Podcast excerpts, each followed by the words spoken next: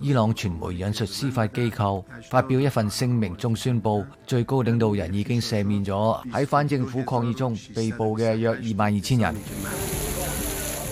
飓风弗雷迪周末直击咗非洲莫桑比克同马拉维，有关官员话，两国至少有四十人丧生。喺每年一度嘅奥斯卡颁奖典礼上面，喜剧奇幻片《奇异旅侠：挽救宇宙》占据主导地位。共贏得咗七項奧斯卡獎。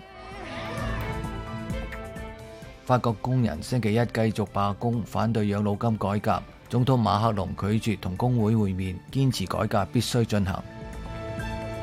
非洲加逢一艘渡輪喺一個沿海村莊附近沉沒，造成六人死亡。當局星期日繼續對三十一名失蹤人員進行搜索行動。